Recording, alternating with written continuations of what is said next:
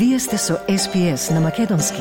Слушнете повеќе прилози на sps.com.au козацрта на Седонин.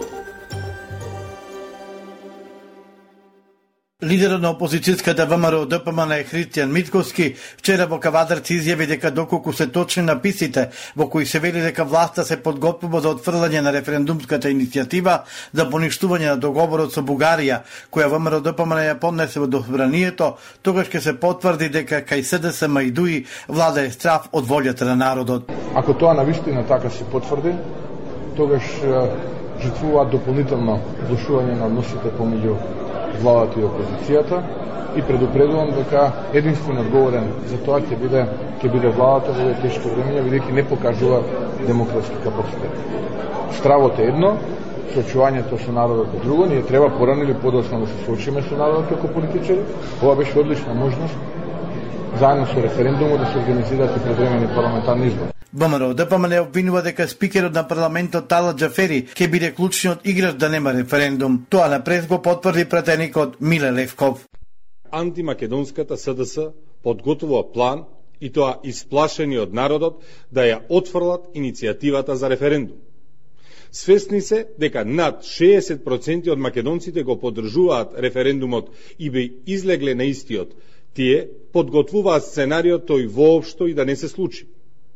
Во таквото сценарио, главна улога треба да одигра Талат Джафери, кој само ќе го спроведе даденото од Ковачевски.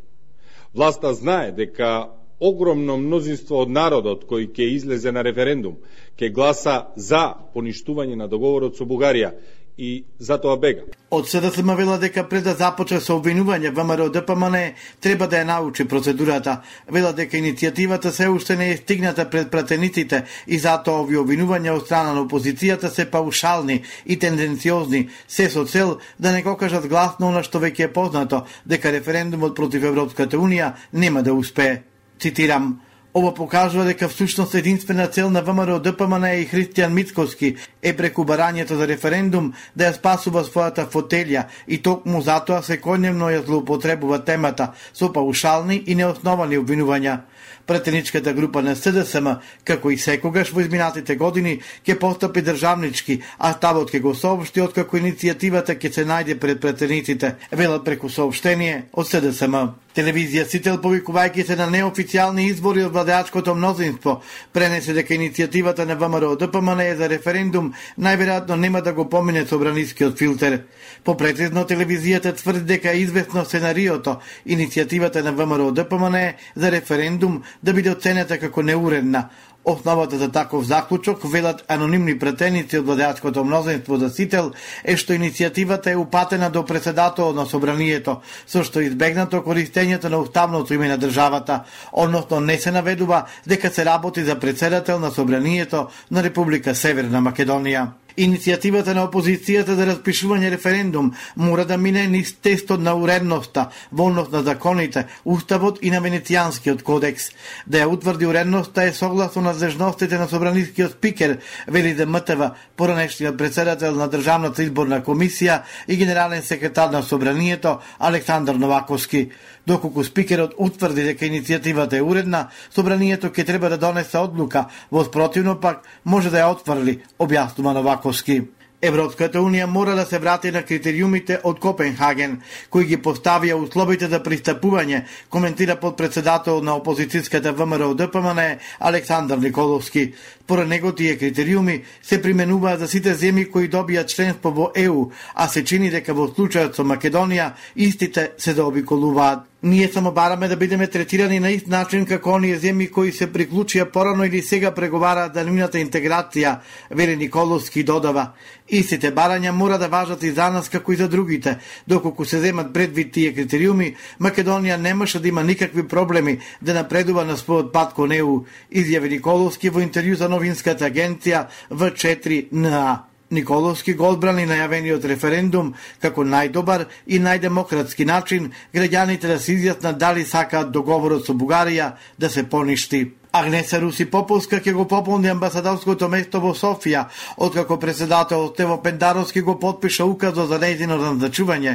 Председател даде зелено светло и за Методија Белески како амбасадор во Кралството Белгија, Евгенија Илиева која заминува во Словачката република, Агрон Буџаку кој оди во Канада и Дритон Кучи кој заминува во Кралството Норвешка. Илиева, Буџако и Кучи неделава ги презентира своите приоритети пред Собраниската комисија за надворешна политика. Пендаровски за назначувањето на Руси Поповска и Забелевски ја заобиколи комисијата и ги подпиша указите, без тие пресконо да ги презентираат своите тези пред пратениците од оваа комисија, со која председава пратеникот на ВМРО ДПМН Антонио Милошовски. Во државниот врв се уште не е донесена одлука дали и кој ќе присуствува на погребот на кралицата Елизабета II на 19 септември во Лондон. Поред она што се дознава, британското МНР веќе испратило циркуларна нота до сите странски амбасади во Лондон, вклучувајќи и нашата, која содржи насоки и информации околу погребот, но не и директна покана, така што државите сами треба да решат на кое ниво ќе бидат представени на овој високо политички настан, како што немало од погребот на Нелсон Мандела. Крајните информации од Лондон се очекуваат во текот на денешниот ден, така што тогаш веројатно и ќе биде донесена одлука кој од Македонија ќе патува на погребот на кралицата Елизабета, при што очекувањата се дека тоа ќе биде на ниво на рангот што ги имаше таа во политичката хиерархија како шеф на држава. Тендерот вреден 11 милиони и 200 евра за терминалите за гласање со отпечаток на прс стаса на разгледување пред антикорупцијската комисија. Како што објави ТВ24, во комисијата веќе стигнала техничката документација и финансиските документи за тендерот. Откако ќе биде разгледана на разговор ќе биде повикан и председател на Државната изборна комисија Александар Даштески, а не се исклучува и членовите на изборната комисија кои беа членови во тендерската комисија да дојдат во антикорупцијска.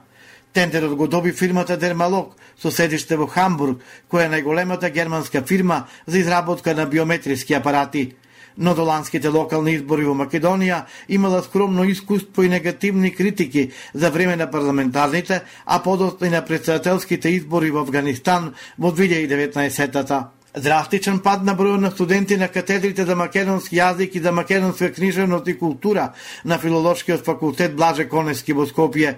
Годинава се запишале само 16 студенти во првиот уписен рок со отворањето на другите државни универзитети и тамошните катедри за македонски јазик и книжевност, непостојањето на стипендии и секако неможноста за вработување на македонистите е причина со години наназад да сведочиме за оваа загрижувачка состојба во македонистиката, вели професорката Искра Пановска Димкова. Интересот за студирање мајчин јазик секаде во светот опаѓа. Тоа не е нешто чудно или нешто ново, таков е светскиот тренд, но други држави седнуваат и се позанимаваат со тој проблем по смисла дека обезбедуваат стипендии за националните јазици, обезбедуваат маркетинг, ние ефектот на маркетингот ете го видовме минатата година, фактички бидејќи беше година на Блаже Конески 100 години од раѓањето, ние постојано бевме присутни во медиумите, Блаже Конески со тоа автоматски македонскиот јазик, па запишавме 22 на македонски јазик за разлика од сега што е 8. Слабиот интерес за македонистиката се должи најмногу на невработеноста на овие кадри. Се уште ниту една издавачка куќа, државни институции секаде каде што по закон се должи да има лектори, тие не се вработуваат, вели професорката. Во 2019-та беше подготвен предлог закон за македонски јазик, кој стигна до јавна расправа, но не влезе во собраниска процедура, поради распуштањето на собранието, пошто следеа вонредните состојби. Во него е предвидено стипендирање на студенти по македонистика во сите три циклуси, како и вработувања и ангажирање на лектори во сите државни јавни установи и институции, владата, собранието и министерствата, па се до локалната власт, универзитетите, научните институции, средни средните и основните училишта и медиумите. Еврофарм Пелистер го одбрани трофеот во Суперкупот на Македонија, откако во синокешниот дуел во Охрид славеше над Вардар со минимални 23 спрема 22. Херој на битолчани беше голманот Марко Кизич, кој влезе во игра во финишот и донесе пресврт со неколкуте одлични интервенти меѓу нив и последните две во завршните две минути, кога го запре одличниот Филип Талески. За Еврофарм Пелистер, овој втор трофе од почетокот на сезоната, во август тие победија на меѓународниот турнир во Струга. Сакате ли да чуете повеќе прилози како овој? Слушате подкаст преку Apple Podcasts, Google Podcasts, Spotify или од каде и да ги добивате вашите подкасти.